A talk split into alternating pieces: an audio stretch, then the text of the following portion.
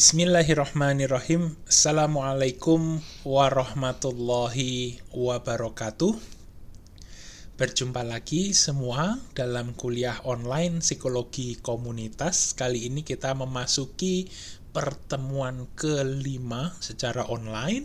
Semoga dalam pertemuan kelima ini kalian selalu dalam kondisi yang sehat, dalam kondisi yang bahagia, serta selalu di dalam lindungan Tuhan Yang Maha Esa. Baik. Nah, eh, pada minggu kelima ini saya ingin membicarakan tentang sebuah topik yang saya pikir dekat dengan diri kita. Dekat dengan situasi kita serang, sekarang. Saya pikir eh, selain dekat dengan Anda dengan tugas UTS Anda, psikoedukasi, tetapi juga eh, ini berkaitan sekali dengan kondisi yang uh, sebenarnya sedang kita alami. Nah, uh, langsung saja kita masuk ke dalam materi kita psikoedukasi. Apa itu psikoedukasi? Psikoedukasi didefinisikan oleh American Psychiatric Association sebagai proses edukasi tentang suatu situasi, kondisi, atau permasalahan psikologis yang dialami oleh seseorang yang bertujuan untuk mendukung treatment dan rehabilitasi. Nah, jadi kalau secara definisi, pada dasarnya psikoedukasi itu dari, terdiri dari dua kata, psycho education. Education pendidikan, uh, edukasi, psycho psikologis. Nah, maksudnya apa? Ya di sini adalah uh, di mana kita mengedukasi seseorang uh, seorang sekelompok terkait dengan situasi, kondisi atau permasalahan psikologis yang dialaminya. Nah, uh, psikoedukasi ini menjadi penting karena kemudian uh, psikoedukasi ini merupakan bagian dari program intervensi psikologis di mana kita bisa memasukkan elemen kognitif, elemen perilaku dan elemen pendukung terapi. Jadi pada dasarnya psikoedukasi ini adalah uh, komponen pendukung terapi di mana kemudian terapi itu biasanya kita kan uh, me mengatakannya sebagai terapi itu klinis, tetapi pada dasarnya terapi itu tidak hanya klinis, ada juga terapi non klinis. Nah ini adalah uh, kesemuanya itu didukung oleh psikoedukasi. Nah kenapa sih psikoedukasi ini kemudian penting? Kenapa psikoedukasi ini kemudian dikatakan esensial untuk semua uh, jenis terapi baik klinis maupun non klinis? Nah kita kembali dulu ke sejarahnya. Nah, psikoedukasi itu sebenarnya adalah konsep yang Eh, baru-baru uh, lama lah istilahnya. Mungkin uh, kita baru mendengar istilah psikoedukasi baru-baru saja, tapi sebenarnya psikoedukasi ini pertama kali muncul konsepnya itu sudah dari tahun 1911. Jadi sudah 109 tahun. Nah, yang pertama kali muncul pada artikel yang ditulis oleh John E. Donnelly yang berjudul Psychotherapy and Re-Education Nah, pada artikel ini Donley menyebut psikoedukasi belum dalam kata-kata psikoedukasi, dia menyebutnya sebagai psychic re-education. Nah, setelah 1911 uh, psikoedukasi naik turun uh, perannya di dalam intervensi khususnya intervensi psikologis terutama karena zeitgeist dunia terutama dunia psikologi saat itu belum mengarah kepada integrasi yang mengintegrasikan aspek klinis dan non klinis uh, mereka masih fokus pada satu aspek Eh, teknik-teknik intervensi klinis apa saja dicari teknik yang paling efektif nah jadi waktu itu belum belum terlalu berkembang Nah, mulai berkembang pesat ketika kemudian pada tahun 1980-an psikoedukasi dikenalkan kembali oleh Carol M. Anderson yang kemudian mengenalkan edu psikoedukasi dalam konteks treatment skizofrenia. Nah, eh, ini saudara-saudara, jadi Anderson ini memformulasikan ulang konsep-konsep dasar dari eh, Donnelly dan kemudian diaplikasikan dalam konteks eh, pasien skizofrenia. Nah, eh, apa namanya mulai dari 1980-an sejak eh, Carol M. Anderson me, eh, me apa istilahnya me, menggodok ulang, memasak ulang, mereformasi, merekonstruksi ulang konsep uh, apa namanya psikoedukasi. Di sinilah kemudian mulai menjadi populer sampai sekarang. Oke. Jadi itu sedikit sejarah singkat. Nah, pertanyaannya lalu, siapa sih yang melakukan psikoedukasi? Kalau kita me membicarakan psikoedukasi saya nampaknya ini hanya psikolog yang melakukan. Tapi padahal tidak.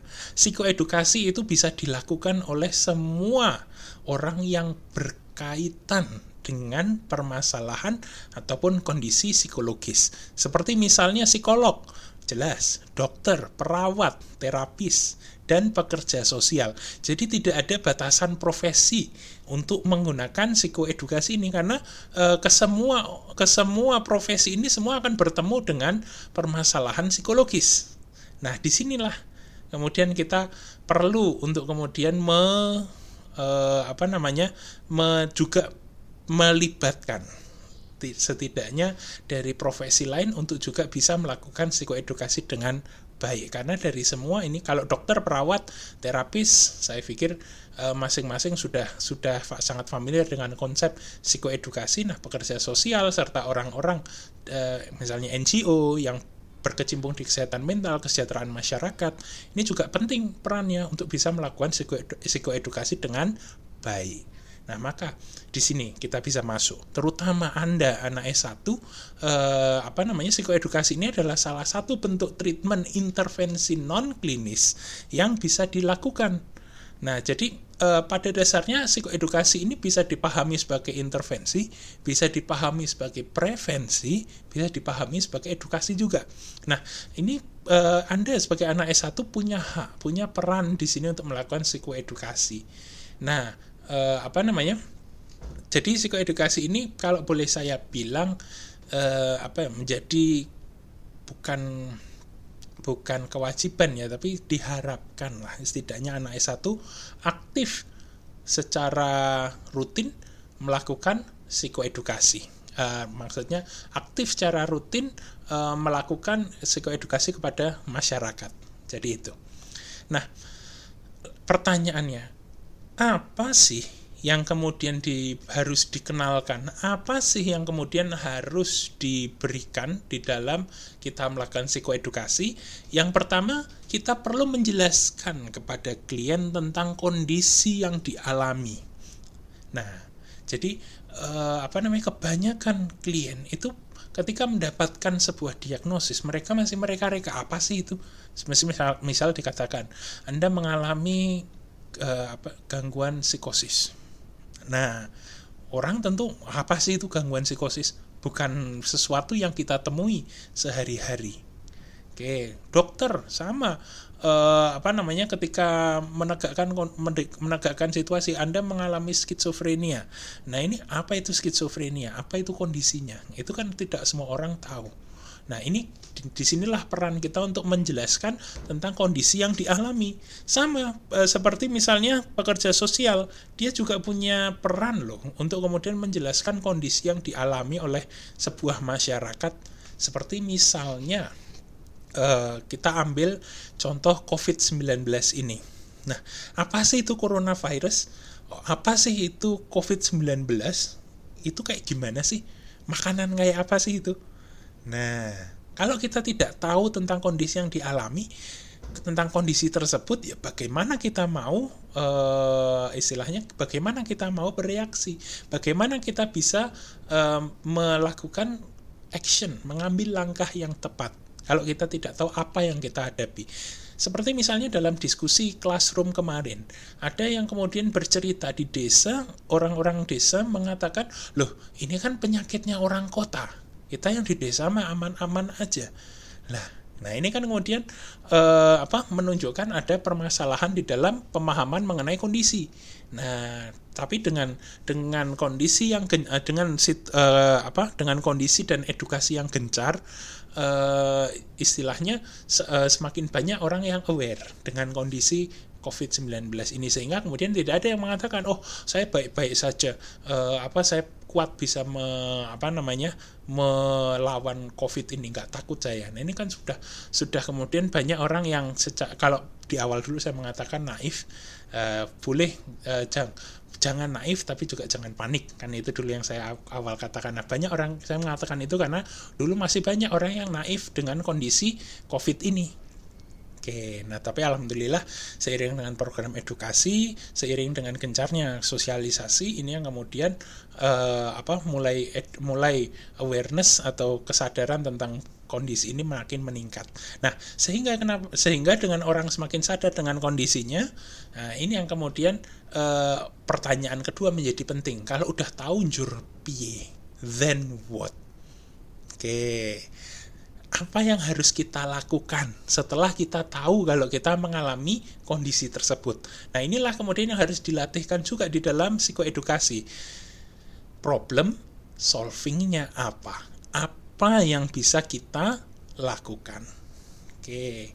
Nah, maka kemudian uh, uh, apa namanya di dalam di dalam psikoedukasi uh, COVID khususnya yang Anda lakukan di dalam UTS Anda, saya harapkan juga Anda setidaknya mengincorporate atau memasukkan keempat elemen ini.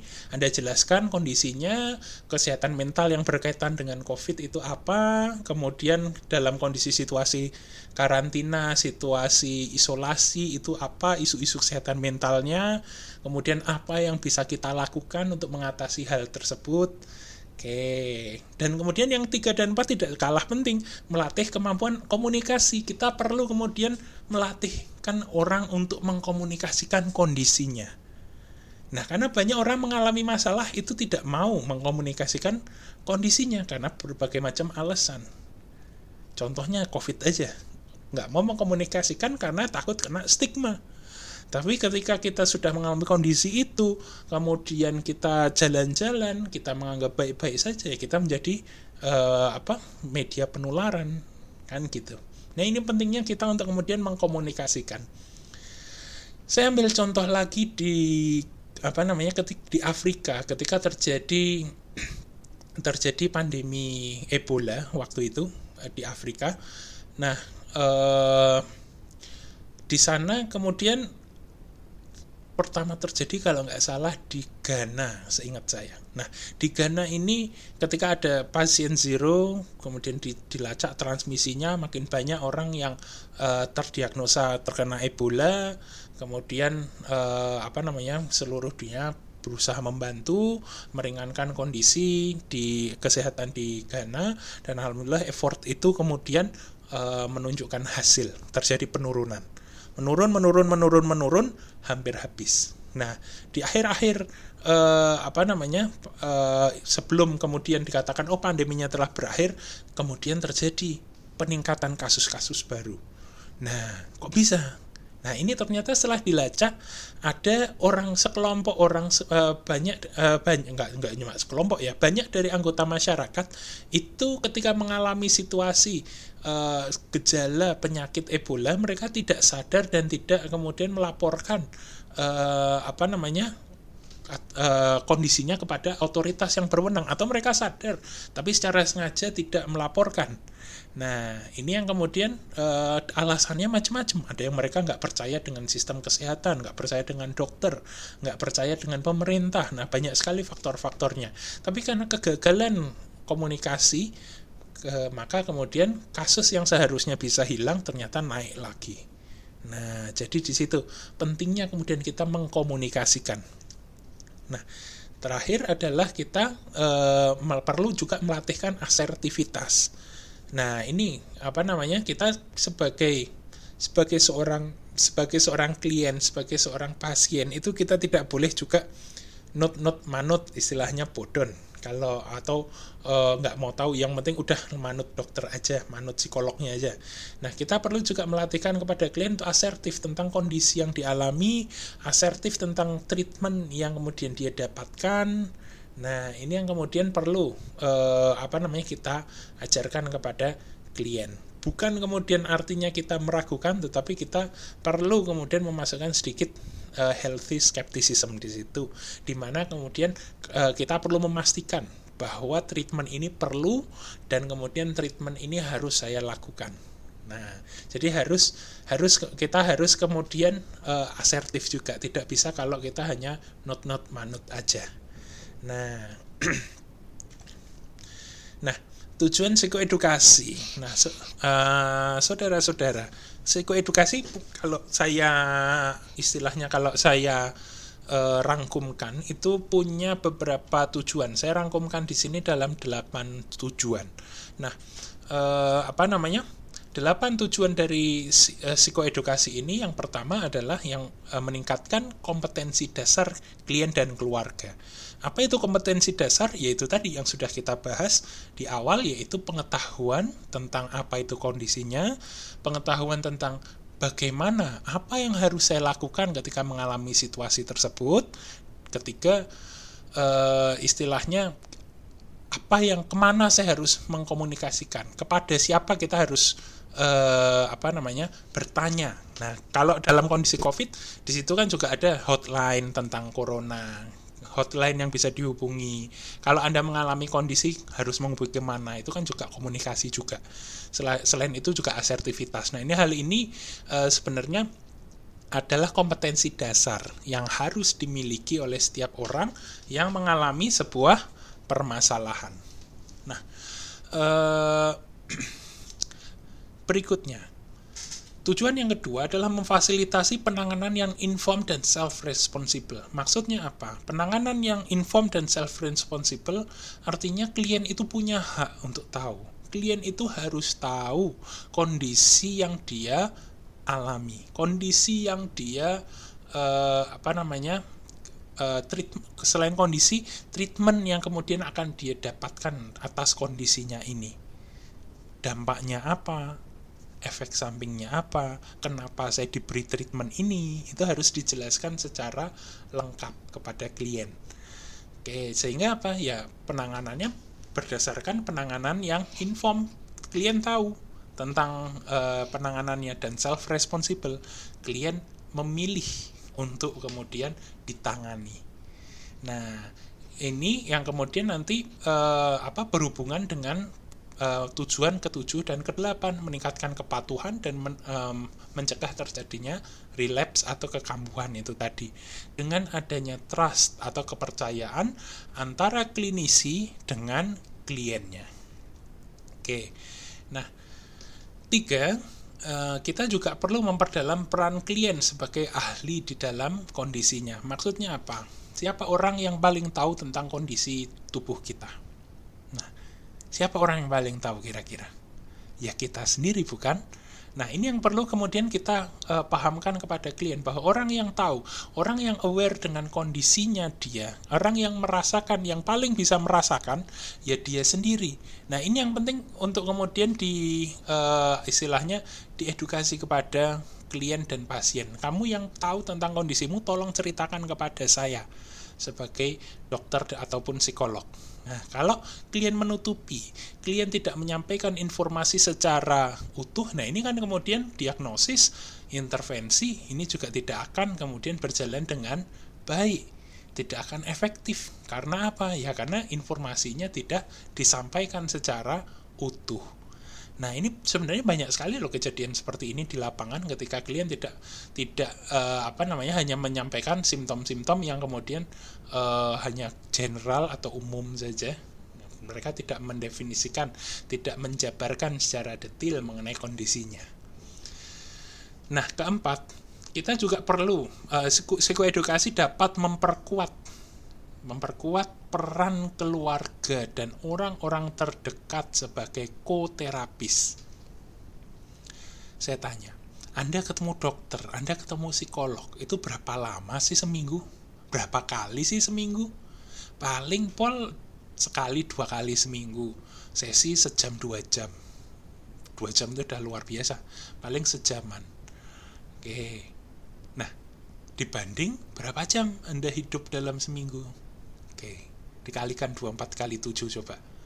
Lama sekali tuh. Kan kecil sekali kita ketemu psikolog sejam atau dua jam dari seratusan lebih jam kita selama seminggu. Nah, lalu siapa yang kemudian hidup dengan kita, e, bertemu dengan kita lebih e, dari separuh e, waktu kita dalam seminggu? Nah, tidak lain dan tidak bukan kan keluarga dan orang terdekat kita.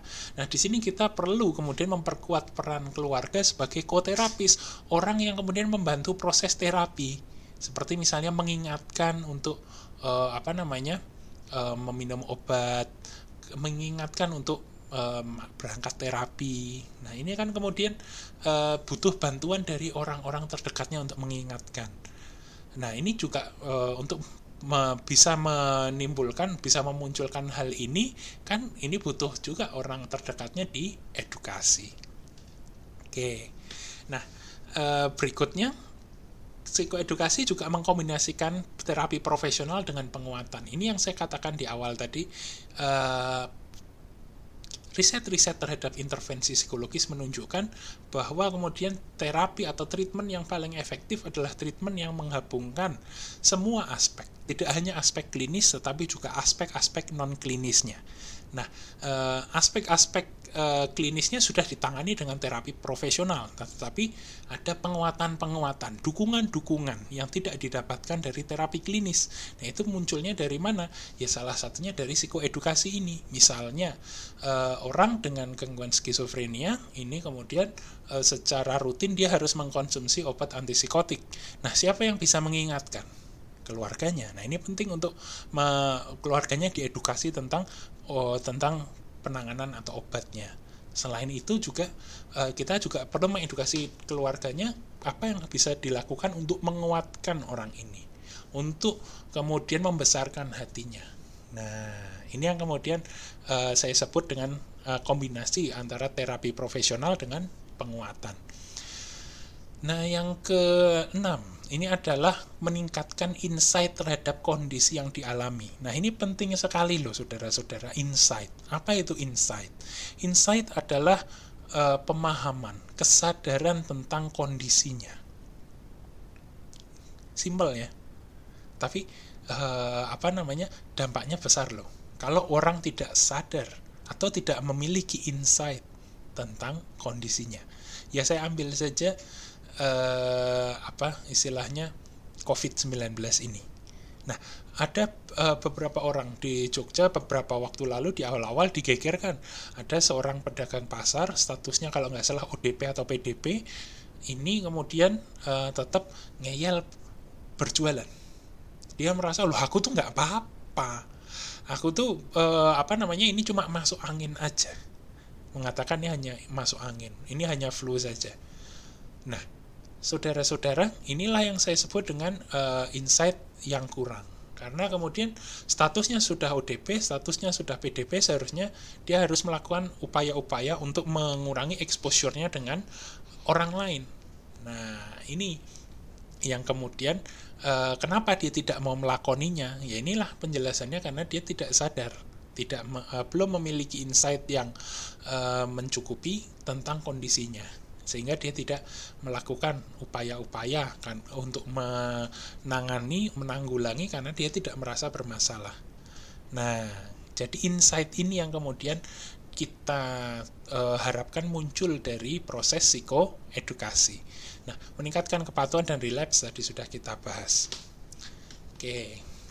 Nah, e, dari proses psikoedukasi ini, apa sih luarannya, apa sih outcomes-nya yang kita harapkan? Yang pertama adalah terjadi transfer informasi antara klien, pasien, atau masyarakat dengan psikolog, dokter, eh, atau pekerja sosialnya. Nah, transfer informasi ini tentang apa? Tentang eh, penjelasan tentang penyebabnya, penjelasan tentang gejalanya, penjelasan tentang konsep treatmentnya, penjelasan tentang macam-macam tadi yang sudah kita bahas. Itu adalah yang pertama, transfer informasi. Yang kedua adalah ah, diharapkan terjadi pelepasan emosi.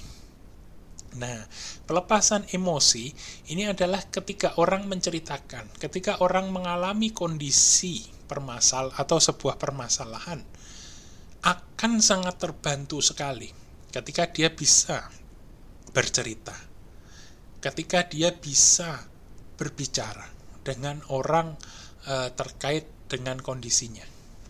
Nah, ketika orang e, mengalami sebuah permasalahan, ini kadang ini kadang dia mengalami tekanan, kecemasan. Apa yang ini ke saya itu kenapa sih? Apa sih yang harus saya lakukan? Nah, ketika dalam kondisi seperti ini akan sangat terbantu sekali ketika ada orang yang menjelaskan, oh kondisimu tuh ini yang kamu harus lakukan seperti ini. Ini kan luar biasa sekali. Akan terjadi pelepasan atau rilis emosional. Dalam hal ini rilis ketegangan, stres, kecemasan, dan lain sebagainya. Nah, e, seperti yang saya katakan tadi, ketiga adalah e, psikoedukasi juga mendukung proses farmako ataupun psikoterapi dengan meningkatkan kepatuhan klien untuk mematuhi prosedur jadwal yang sudah ditentukan oleh klinisi baik itu dokter, psikolog atas kondisinya. Nah, terakhir luarannya outcomes-nya adalah akses terhadap pengetahuan bantu diri. Nah, jadi Eh, kita juga perlu mengempower klien untuk kemudian bahwa ada loh hal-hal yang bisa kamu lakukan untuk menangani kondisimu. Nah, untuk uh, kemudian memperingan simptom-simptomnya, ada hal-hal yang bisa kamu lakukan sebelum kamu uh, pergi ke dokter atau mendapat bantuan. Karena apa kadang sistem kesehatan kita itu membludak sehingga tidak semua orang dalam satu waktu bisa tertangani. Nah, di antara waktu-waktu dia tidak tertangani itu kita juga perlu bisa memberikan uh, gambaran. Kita bisa memberikan uh, istilahnya penguatan informasi kepada klien apa-apa saja yang bisa dia lakukan untuk kemudian memperingan situasi, gejala atau simptom yang dirasakan. Itu. Nah, psikoedukasi ini kita lakukan, kita berikan kepada siapa saja sih? Nah, di sini saya sudah membagi uh, pemberian psikotipe psikoedukasi berdasarkan uh, objek, maka objek ya, berdasarkan uh, kepada siapa kita memberikan psikoedukasinya. Nah, eh, apa? Yang pertama ada yang namanya psikoedukasi kelompok, kedua psikoedukasi individual, psikoedukasi keluarga, psikoedukasi teman yang atau yang merawat serta psikoedukasi sosial.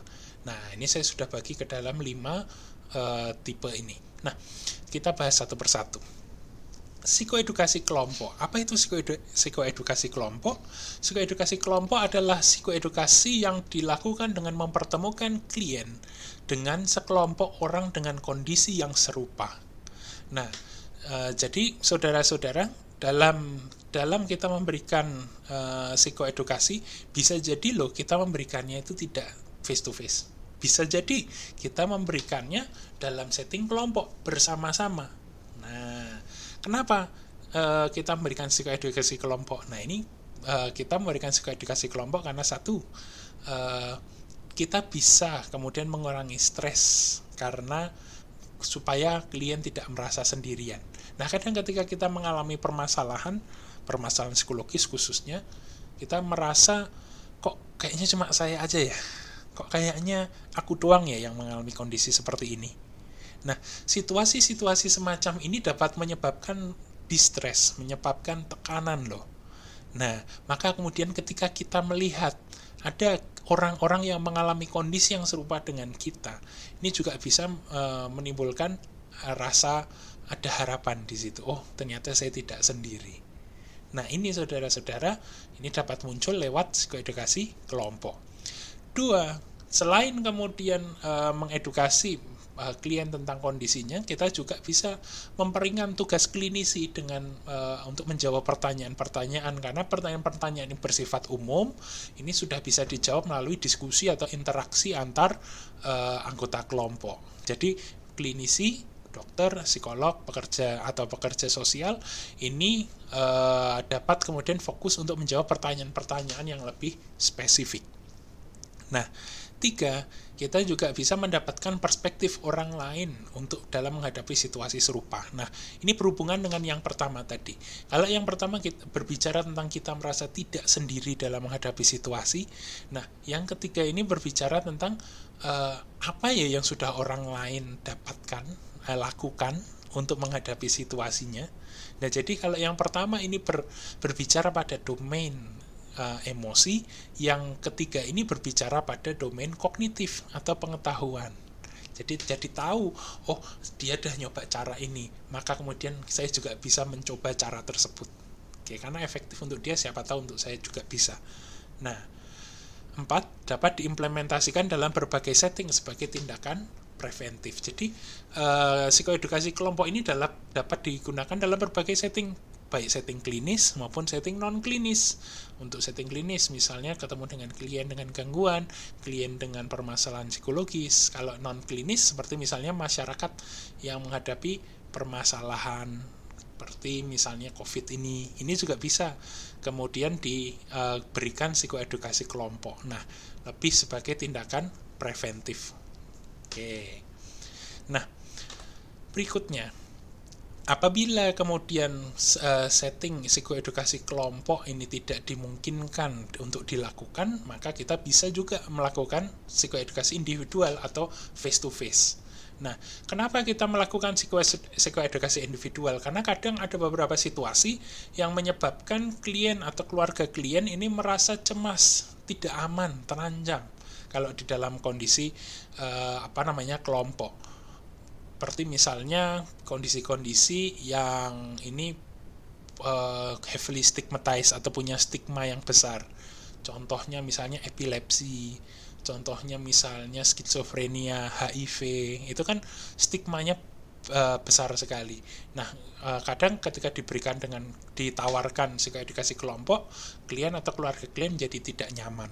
Nah, ini kita bisa kemudian uh, menawarkan konsultasi atau psikoedukasi uh, individual yang di mana ini bisa menjadi lebih spesifik fokus kita bisa fokus menjawab pertanyaannya secara lebih uh, relevan dengan situasi yang dia alami.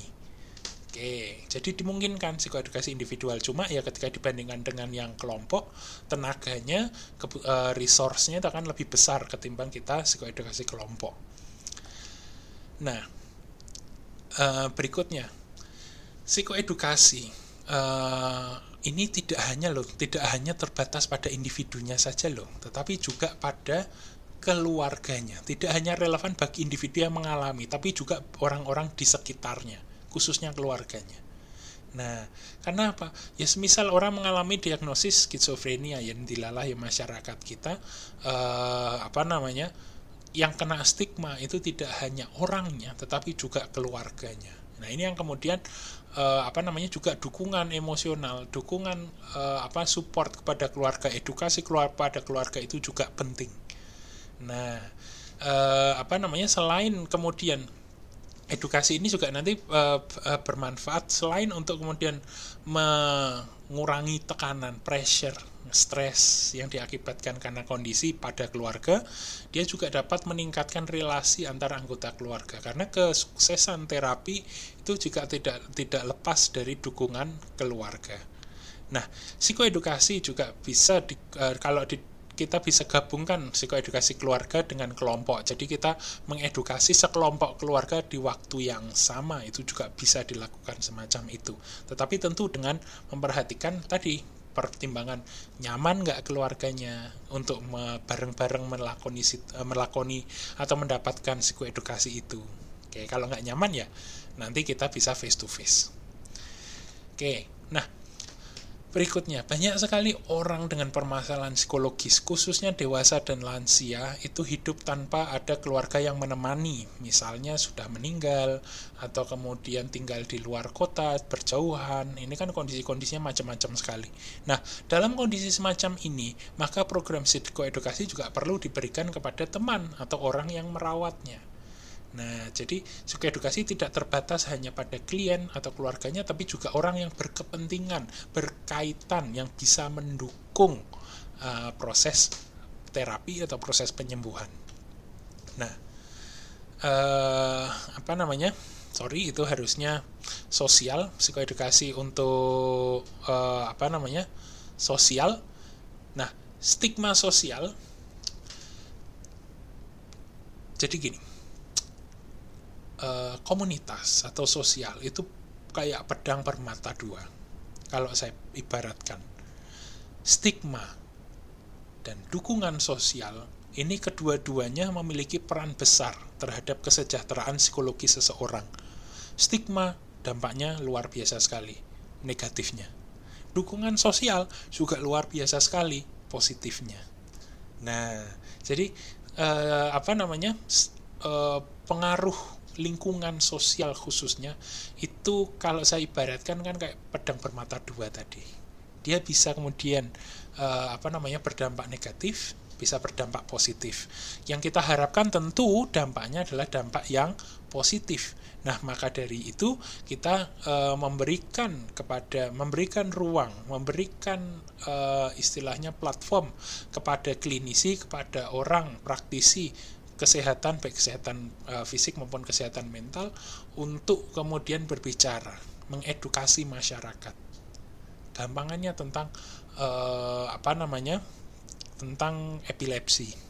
Nah, dulu ketika saya kecil, mas uh, ada tem kawan saya yang kemudian epilepsi.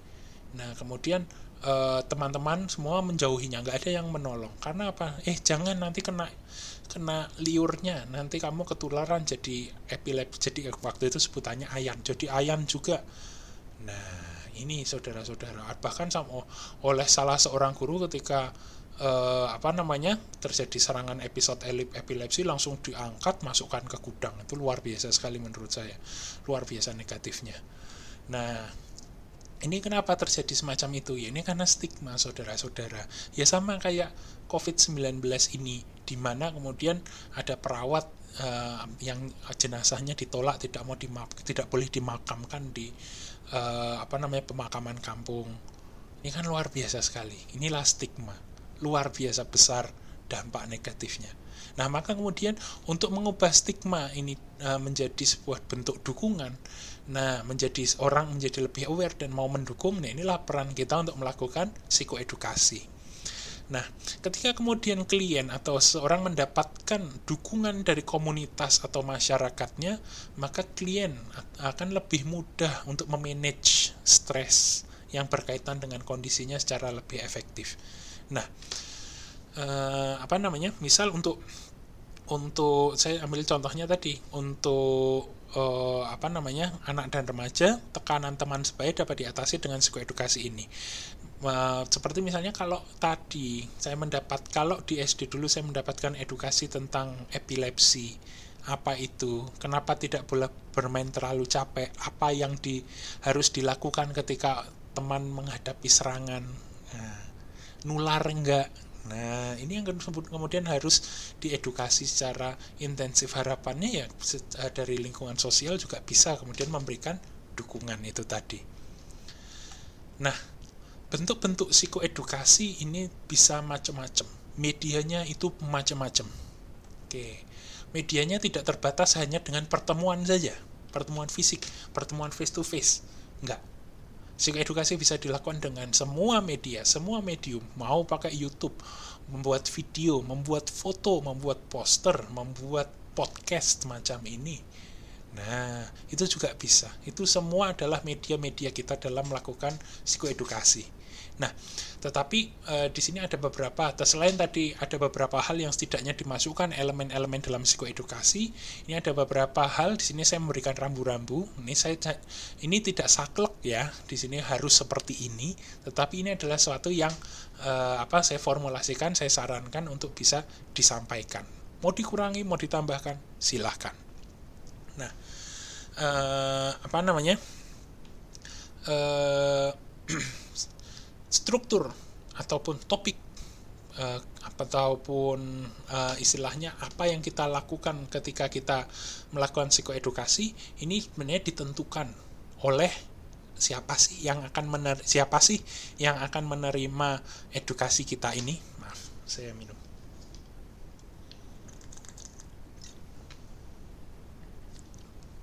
Nah ditentukan dari siapa sih yang akan menerima edukasi ini? Apakah kita melibatkan individu uh, yang mengalami permasalahan atau kita hanya melibatkan teman dan keluarganya saja?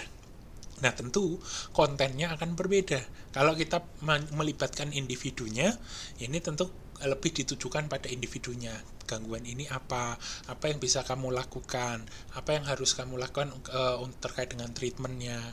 Apa yang kamu bisa lakukan untuk mem memeringankan simptom atau kondisi gejalanya?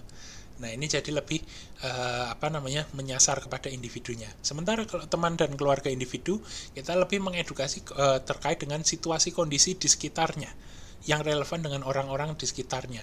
Seperti misalnya ini menular enggak caranya kemudian kita memberikan penanganan uh, caranya kita memberikan uh, intervensi support apa yang harus dilakukan ketika terjadi serangan atau kondisi uh, apa namanya uh, kondisi gangguan nah atau episode Nah ini, nah ini yang kemudian uh, perlu diedukasikan kepada keluarganya. Tentu kontennya akan berbeda. Nah ini harus anda tentukan siapa individu yang akan mendapatkan audiens ini. Nah ini juga bisa di, uh, jadi apa yang sudah saya sampaikan uh, sampai dengan titik ini itu sebenarnya uh, mungkin saya membahasnya banyak dalam konteks klinis, tetapi pada dasarnya sebenarnya bisa loh psikoedukasi itu uh, dilakukan dalam uh, setting yang lain. Jadi psikoedukasi ini tidak terbatas hanya pada klinis saja, bisa diberikan dalam konteks sosial misalnya. Seperti ya tadi uh, edukasi COVID kepada masyarakat, edukasi mengenai uh, kalau dulu uh, Mas Wanji dulu pernah cerita sama saya kenapa kemudian uh, pentingnya kemudian menjaga darah, menjaga uh, apa namanya kadar darah jangan sampai kurang darah. Oke, atau terjadi anemia. Karena banyak sebenarnya masyarakat um, terutama khas remaja itu mengalami anemia. Dampak-dampaknya apa? Nah jadi uh, ini hal-hal yang perlu kemudian kita tentukan audiensnya dulu di awal. Sehingga apa? Kita bisa menentukan kita bisa menyesuaikan media yang uh, kita gunakan untuk uh, apa namanya supaya lebih efektif penyampaian kita. Nah, lalu apa saja yang perlu kita bicarakan? Nah ini uh, apa? Ini yang saya sebutkan tidak terbatas pada ini yang saya sebutkan ini saja bisa macam-macam. Jadi uh, apa? Yang pertama kita perlu menjelaskan tentang kondisi yang sedang dialami ya. Tadi sudah saya bilang di awal tadi apa namanya? Kalau kondisinya gangguan atau permasalahan psikologis, berikan uh, bicarakan mengenai identifikasi atau definisi diagnostiknya apa, prognosisnya bagaimana, faktor biopsikososial penyebab dari gangguan ini apa, bagaimana gangguan tersebut dapat berpengaruh pada masa depannya ataupun hal-hal terkait dengan gangguan tersebut. Nah, kalau kondisi tanpa gangguan, misalnya dalam setting sosial, ada permasalahan apa? Ini yang harus di, diberikan gambaran tentang kondisi atau situasi yang dialami oleh masyarakat. Apa penyebabnya? Apa implikasi atau dampaknya dari situasi tersebut kalau tidak tertangani? Nah, jadi hal-hal ini yang kemudian dibicarakan yang eh, satu hal yang paling penting untuk dibicarakan adalah mengedukasi tentang situasi atau kondisi yang dialami. Dua, kita juga bisa kemudian mengedukasi terkait dengan stigma yang berkaitan dengan kondisi tersebut. Apa yang bisa kita lakukan untuk melawan stigma dan bagaimana stigma dapat berpengaruh terhadap kondisi fisik dan psikologi seseorang. Nah, ini saudara-saudara, ini perlu kemudian uh, di perlu kemudian untuk kita uh, edukasikan juga tentang stigma. Bagaimana mengurangi stigma? Karena seperti yang kita tahu, terutama dalam konteks masyarakat, stigma ini luar biasa sekali dampak negatifnya. Untuk itu maka kita harus berupaya untuk memerangi, mengurangi stigma ini. Nah, e, hal ketiga yang bisa disampaikan adalah tentang problem solving atau teknik cara cara hidup yang sesuai dengan kondisi apa yang perlu dilakukan untuk menghadapi kondisi tersebut seperti misalnya manajemen stres memahami diri sendiri bentuk-bentuk self help yang bisa dilakukan seperti apa Nah, jadi setelah kita kasih tahu apanya, kita kasih tahu caranya gimana. Nah, setelah itu kita juga perlu untuk mengenalkan treatment atau program intervensi apa yang bisa dilakukan untuk memanage kondisi, apa konsep dasar dari intervensinya. Jadi kalau kita buat program disosialisasikan pada masyarakat, jangan cuma sekedar uh, oh saya mau bikin program tapi sosialisasikan dari awal kenapa saya bikin program ini uh, apa namanya Uh, seberapa efektif nantinya rancangan saya ini berdasarkan hasil penelitian sebelumnya. Kemudian kenapa teknik ini saya pilih itu semua harus diedukasikan harus disampaikan. Oke tentang treatment. Itu kalau yang saya ambil tentang uh, sosial treatment sosial. Tapi untuk treatment klinis tentunya juga uh, apa namanya uh, apa yang harus apa yang bisa kita lakukan untuk memanage kondisinya seberapa efektif intervensi ini kenapa kita pilih intervensi ini manfaat resiko berapa lama kita harus menjalani intervensi seberapa sering uh, durasi intervensinya berapa biayanya Nah, ini adalah hal-hal yang perlu kita edukasikan kepada masyarakat. Termasuk uh, tadi uh, jangan lupa elemen komunikasinya juga. Jangan lupa elemen kepada siapa. Nanti kalau misalnya kita harus mengakses informasi atau mengakses bantuan, itu juga perlu diberikan di psikoedukasi. Nah, di situ. Nah, eh, tetapi psikoedukasi ini tentu yang namanya intervensi itu tidak semua kondisi pas untuk diberikan psikoedukasi. Ada beberapa kondisi di mana psikoedukasi tidak disarankan untuk diberikan. Yang pertama adalah adanya gangguan proses berpikir. Nah, ketika terjadi gangguan proses berpikir, terjadi gangguan kognitif berat, ini yang pertama ditakutkan orang uh, individu tersebut tidak dapat memahami, tidak dapat menangkap apa itu yang kita sampaikan atau mungkin terjadi kesalahpahaman. Nah, yang kedua adalah adanya mood manic. Nah, yang kedua ini adalah adanya mood manic di mana kemudian eh, kalau Anda kenal mania itu kan eh, mungkin Anda di klinis mungkin pernah dibahas tapi saya nggak tahu. mania itu adalah kondisi di mana kita eh, merasa emosinya naik naik esin bukan bahagia ya tapi rasanya seperti uh, ada sesuatu yang membuncah di sini kayak not necessarily bahagia tapi ada elated e, elated emotion. Jadi ada emosi yang rasanya uh, kalau kalau ini ya seneng seneng banget. Oke jadi uh, orang kalau bayangkan anda sebagai seorang anak tiba-tiba ada orang ngasih kejutan membelikan semua mainan kesukaan Anda, semua makanan kesukaan Anda, jingkrak-jingkraknya kayak apa. Nah, e, dalam kondisi menik semacam ini, ini tidak disarankan untuk diberikan e, psikoedukasi. Nah, e, berikutnya juga dalam kondisi adanya delusi ataupun halusinasi auditori berupa kata-kata yang memerintahkan. Nah, jadi uh, delusion of control, kemudian halusinasi auditori, itu juga tidak bisa kita berikan psikoedukasi, terutama nanti kalau uh, kenapa tidak tidak boleh ya, karena kalau nanti salah memahami apa yang kita sampaikan, ini kalau kita uh, yang namanya halusinasi itu kan tidak bisa kita kontrol, delusi tidak bisa kontrol, kita kontrol.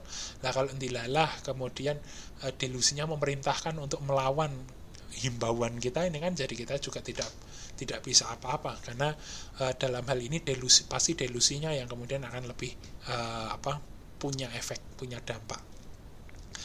Yang keempat Eh, kontraindikasi psikoedukasi adalah pada individu dengan resiko bunuh diri yang tinggi yang dibarengi dengan resiliensi stres yang menurun.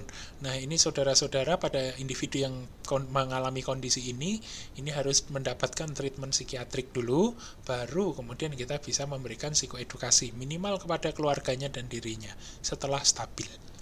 Oke, jadi ini adalah beberapa kondisi di mana psikoedukasi tidak disarankan untuk diberikan. Oke, atau minimal ditunda. Nah, jadi itu.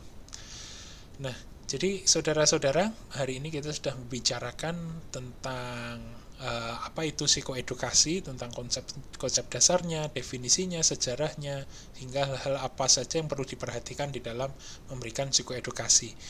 Nah, saya banyak sekali berbicara dalam konteks klinis karena memang psikoedukasi ini eh, yang banyak menggunakan itu adalah untuk mengedukasi dalam kondisi permasalahan atau gangguan klinis. Tetapi pada dasarnya psikoedukasi ini tidak hanya bisa dipakai pada kondisi klinis saja, dia bisa dipakai untuk semua kondisi eh, psikologis, permasalahan psikologis baik itu permasalahan perkembangan, permasalahan pendidikan, permasalahan sosial, permasalahan industri dan organisasi. Nah, ini kesemuanya itu bisa kemudian kita e, berikan, kita bantu penanganannya dengan psikoedukasi. Nah, dan psikoedukasi ini merupakan e, salah satu bentuk intervensi non klinis yang di mana anak S1 boleh untuk melakukannya. Jadi saya harapkan e, apa namanya Anda punya peran yang aktif lah istilahnya setidaknya di masyarakat Anda untuk memberikan psikoedukasi. Secara aktif secara kontinu memberikan psikoedukasi kepada masyarakat Anda. Karena ya itu tadi banyak hal tadi yang uh, manfaat dari psikoedukasi itu banyak sekali. Maka dari itu saya harapkan uh, anda juga bisa menjadi agen agent of change uh, agen yang kemudian bisa meng, uh, membawa perubahan bagi masyarakat anda. Baik mungkin itu saja yang bisa saya sampaikan dalam pertemuan minggu ini. Saya harap uh, ini bisa memberikan gambaran kepada Anda terkait apa itu psikoedukasi dan harapan saya ini juga bisa membantu Anda minimal dalam tugas UTS Anda. Tapi juga saya harapkan ini bisa dilanjutkan tidak hanya pada UTS tapi di dalam uh, keseharian Anda Anda juga bisa memberikan psikoedukasi secara kontinu. Baik itu saja yang bisa saya sampaikan uh, dalam pertemuan kali ini. Bilahi taufik wal hidayah. Assalamualaikum warahmatullahi wabarakatuh.